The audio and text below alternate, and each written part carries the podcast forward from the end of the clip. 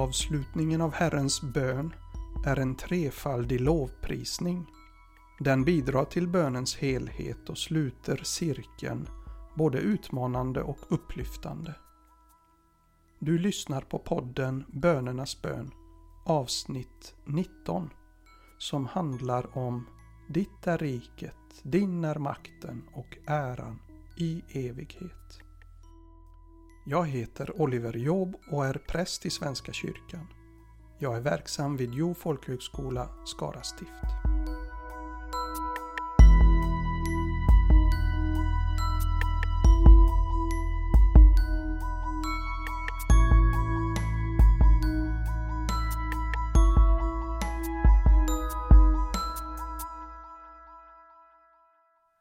Herrens bön avslutas med en lovprisning där vi riktar våra sinnen mot Gud. Vi började hela bönen med att tre gånger be till Gud om det som är hans. Låt ditt namn bli helgat. Låt ditt rike komma. Låt din vilja ske på jorden så som i himlen. Sedan handlade det om oss människor i de fyra följande bönerna. Ge oss idag det bröd vi behöver. Förlåt oss våra skulder. Utsätt oss inte för prövning utan rädda oss från det onda. Nu blickar vi åter mot vår himmelske fader i den trefaldiga lovprisningen. Ditt är riket, din är makten, din är äran. Vi hyllar honom som har makten att ta hand om allt. Vi överlämnar allt i hans goda händer. Vi ger honom ära för den han är och det han gör från evighet till evighet lovprisning, som även kallas doxologi, förekom som avslutning på böner redan under gammaltestamentlig tid. Kung David ber inför församlingen Dig, Herre, tillhör storhet och makt och härlighet och glans och majestät. Ja, allt i himlen och på jorden. Ditt är riket, Herre, och du är den upphöjde härskaren över allting. För de kristna blev det naturligt att avsluta Herrens bön liksom andra böner på liknande sätt. Det är dessutom ett vanligt stilmedel i Bibeln att avsluta ett avsnitt genom att återknyta till början, något som kallas inklusio. Så återknyter doxologin till första bönen, låt ditt namn bli helgat. När vi betraktade den första bönen såg vi att det även var ett uttryck för lovprisning. Vi såg att hålla Gud helig och att ge honom ära hör nära ihop i Bibeln.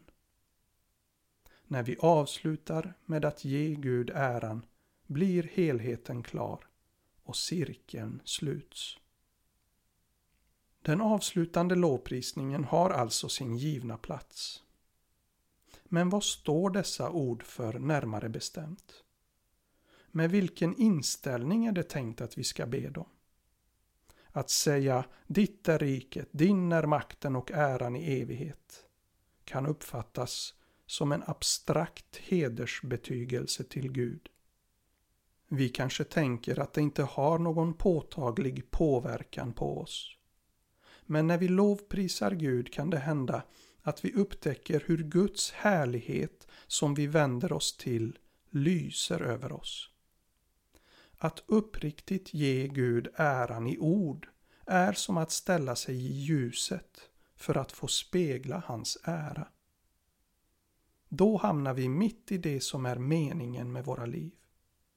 Vi ger Guds ande utrymme, vilket leder till konkreta konsekvenser. Vi får vägledning i vår efterföljelse av Jesus i smått och stort. Hur vi använder vår tid, våra resurser, hur vi förhåller oss till andra. När Jesus i början av sin verksamhet gick ut med Galileiska sjön mötte han de två brödraparen Simon och Andreas samt Jakob och Johannes som var med i samma fiskeföretag. De tillhörde förmodligen, enligt dåtida mått, en välmående medelklass med hem, arbete och familj. Jesus sa till dem Kom och följ mig. Jag ska göra er till människofiskare. Och de lämnade genast sina nät och följde honom. När dessa män lämnade sina nät och blev Jesu lärjungar betyder det att de lämnade sin ordnade tillvaro bakom sig, där de hade erfarenhet och kontroll. De lämnade sina egendomar och blev hänvisade till allmosor. De lämnade sina planer och önskningar. De fick en ny mening att följa Jesus, vilket betydde att bli beroende av honom, lära sig av honom, bli hans närmaste medarbetare och vänner. De fick ett nytt mål, att så småningom bli människofiskare, alltså hans utrustade och utsända missionärer. Att lämna allt och följa Jesus var förstås en risk. Han kunde ha varit, som vissa menade, en religiös extremist som manipulerade dem. En politisk uppviglare som värvade anhängare eller helt enkelt en kringvandrande lärare på jakt efter elever. Det tog tid med undervisning och upplevelser innan lärjungarna började förstå att Jesus från Nasaret verkligen var någon alldeles speciell person. Messias, den levande Gudens son. Denna övertygelse ledde så småningom till att elva av de tolv lärjungarna satsade sina liv på att verka som människofiskare åt Guds rike livet ut. Detta är ett mönster för lärjungar i alla tider. Även för alla oss som får höra om Jesus genom apostlarnas vittnesbörd, som blir kallade av Jesus genom andras förmedling. Ju mer vi upptäcker av Jesu makt, ju mer vi berörs av hur han talar om Guds rike, låter oss ana tecken på Guds rike och hur han bjuder in oss till Guds rike, desto mer får vi en längtan efter att våra liv blir till en lovsång till Gud där vi lever var dag till hans ära. Ibland genom att lämna invanda mönster, men ofta nog genom att troget verka där vi är. Ställa oss i ljuset för att kunna spegla det vidare.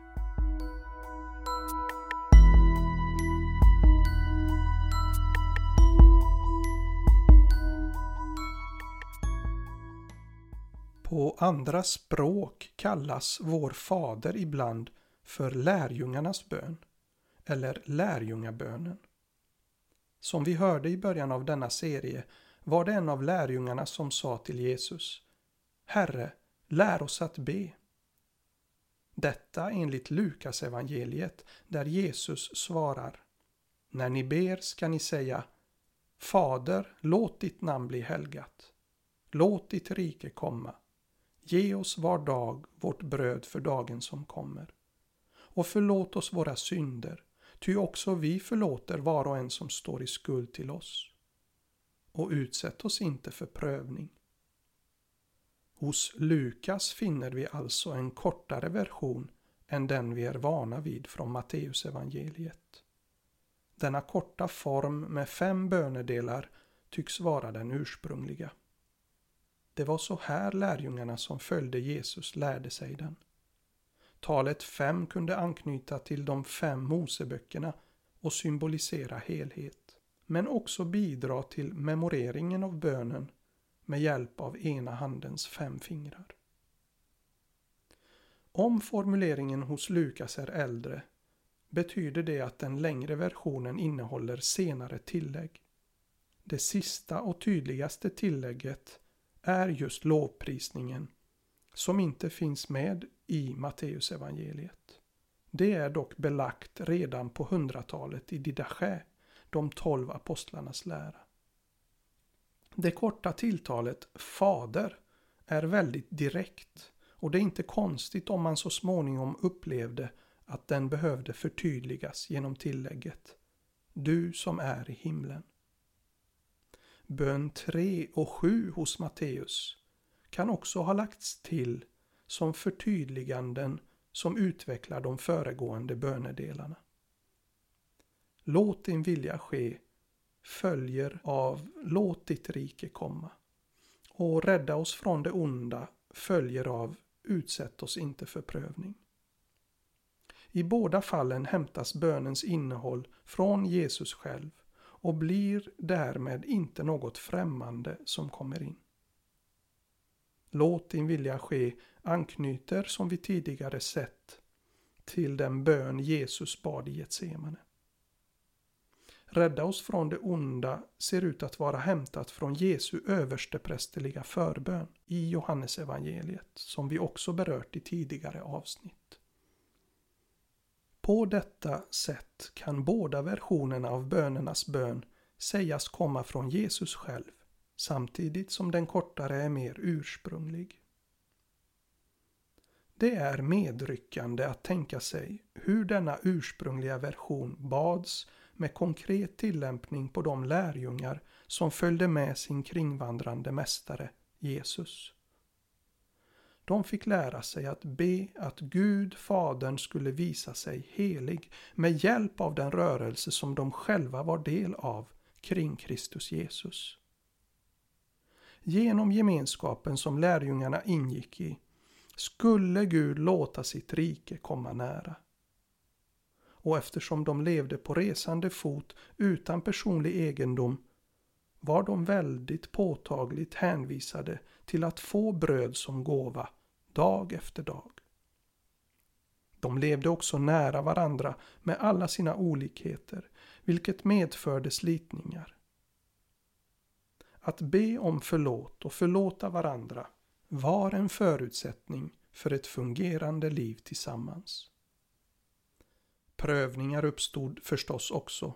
Bara det faktum att Judas Iskariot var en av de tolv visar vilka spänningar det måste ha funnits. Den största prövningen var nog att sluta följa Jesus. Att inte fortsätta lita på honom, lämna uppdraget och återvända till den gamla invanda vardagen. När vi på detta konkreta historiska sätt betraktar bönen som Jesus lärde sina lärjungar så behöver det inte göra Herrens bön mindre relevant för oss.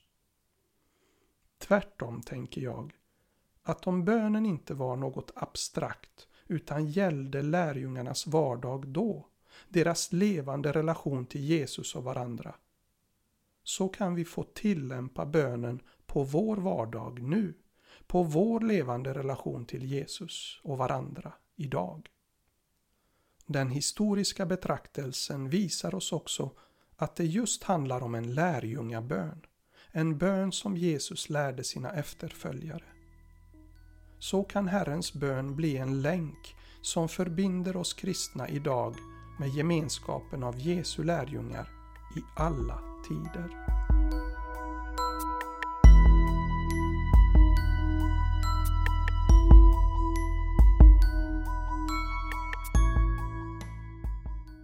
När vi sluter bönens cirkel med lovprisningen ser vi också att det finns en sändning i den.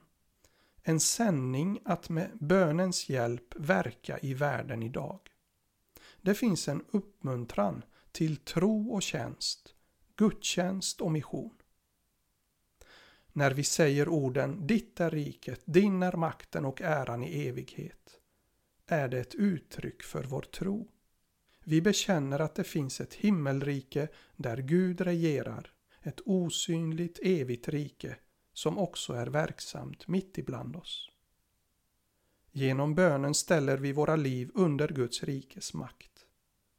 Det är att be Herrens bön som Guds barn, som Jesu lärjungar. Det påminner mig om att fortsätta böja mig i ödmjukhet inför Gud och försöka ge honom äran i det jag gör. När vi säger orden Ditt är riket, din är makten och äran i evighet så ställer vi oss till Guds rikes förfogande. Hos Jesus ser vi att bön och etik hör samman oupplösligt. Vill vi ge Gud ära gör vi det bäst genom att älska vår nästa. Jesus säger Min fader förhärligas när ni bär rik frukt och blir mina lärjungar. Liksom Fadern har älskat mig, så har jag älskat er. Bli kvar i min kärlek. Om ni håller mina bud blir ni kvar i min kärlek, så som jag har hållit min faders bud och är kvar i hans kärlek. Att redan nu förhärliga något av Guds rike är att följa Guds rikets kärleksfulla ordning. När vi ber lärjungabönen påminns vi om att den fortsätter i vardagslivet. Att prisa Gud är att tjäna sin nästa.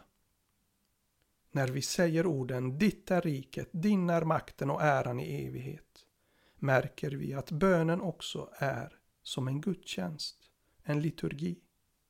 Vi tackar och lovar honom precis som våra högmässor avslutas med en lovprisning.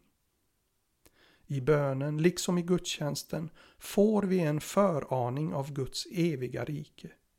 Vi förnimmer Guds närhet. Vi kommer i kontakt med Guds evighet mitt i tiden. Riket är på väg, men i bönen är det redan här. Ju mer vi förstår vad det betyder att få tillhöra riket, leva i Guds kärlek och under hans ledning, desto mer kan vi fyllas av tacksamhet. Lovprisningen påminner mig om de goda gåvor som jag får av Gud. Bönen kan bli till gudstjänst där jag är. När vi säger orden Ditt är riket, din är makten och äran i evighet så stärker de oss i att Gud är verklig och verksam, vad som än talar emot det. Hans rike närmar sig hur det än ser ut i världen.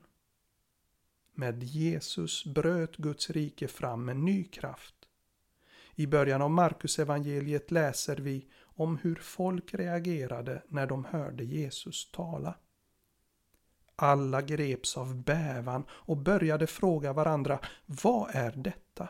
En ny undervisning med makt bakom orden. Jesu mäktiga ord har fortsatt att skaka om så att människor har upptäckt att Guds rike är något alldeles nytt som är på väg att bryta in. Många har insett att det är något oerhört värdefullt. Likt en skatt som gömts i en åker som en man hittar och säljer allt för att kunna köpa åkern och äga skatten. Och den som har funnit skatten har i sin glädje berättat vidare så att andra blivit berikade. Det har spridit sig likt surdeg som en kvinna arbetar in i en stor mängd mjöl tills allt blir syrat. Så har Guds rikes mission verkat i världen. Om denna omskakande glädje smittar oss kan också vi helhjärtat stämma in. Ditt är riket, din är makten och äran i evighet. Det är inte något självklart i en värld som på många sätt står i motsatsförhållande till Guds rike och makt. Även inom oss som smakat något av Guds rikes härlighet finns det en mörk tyngd som drar oss bort ifrån det goda. Likt nickedockor som går tillbaka i ett tidigare läge. Hur mycket man än böjer ner dem ställer de sig upp igen. I bönen finns det en motkraft, den helige Andes kraft som kan uppfylla och omvända oss, böja oss inför Gud. Hela Herrens bön är till för att hjälpa oss med allt detta, som vi har sett steg för steg. Bönen mynnar ut i det som är alltings syfte, att ge ära åt Gud. Hans godhet bekräftas och blir känd för fler när vi ger honom äran, när vi erkänner att han har makten, när vi uppmärksammar hans rike. På det sättet växer Guds godhet när han får ära för den. Så vill Gud om och om igen genom bönen dra in oss i sin godhet och helighet och fylla oss med himmelrikets glada lovprisning.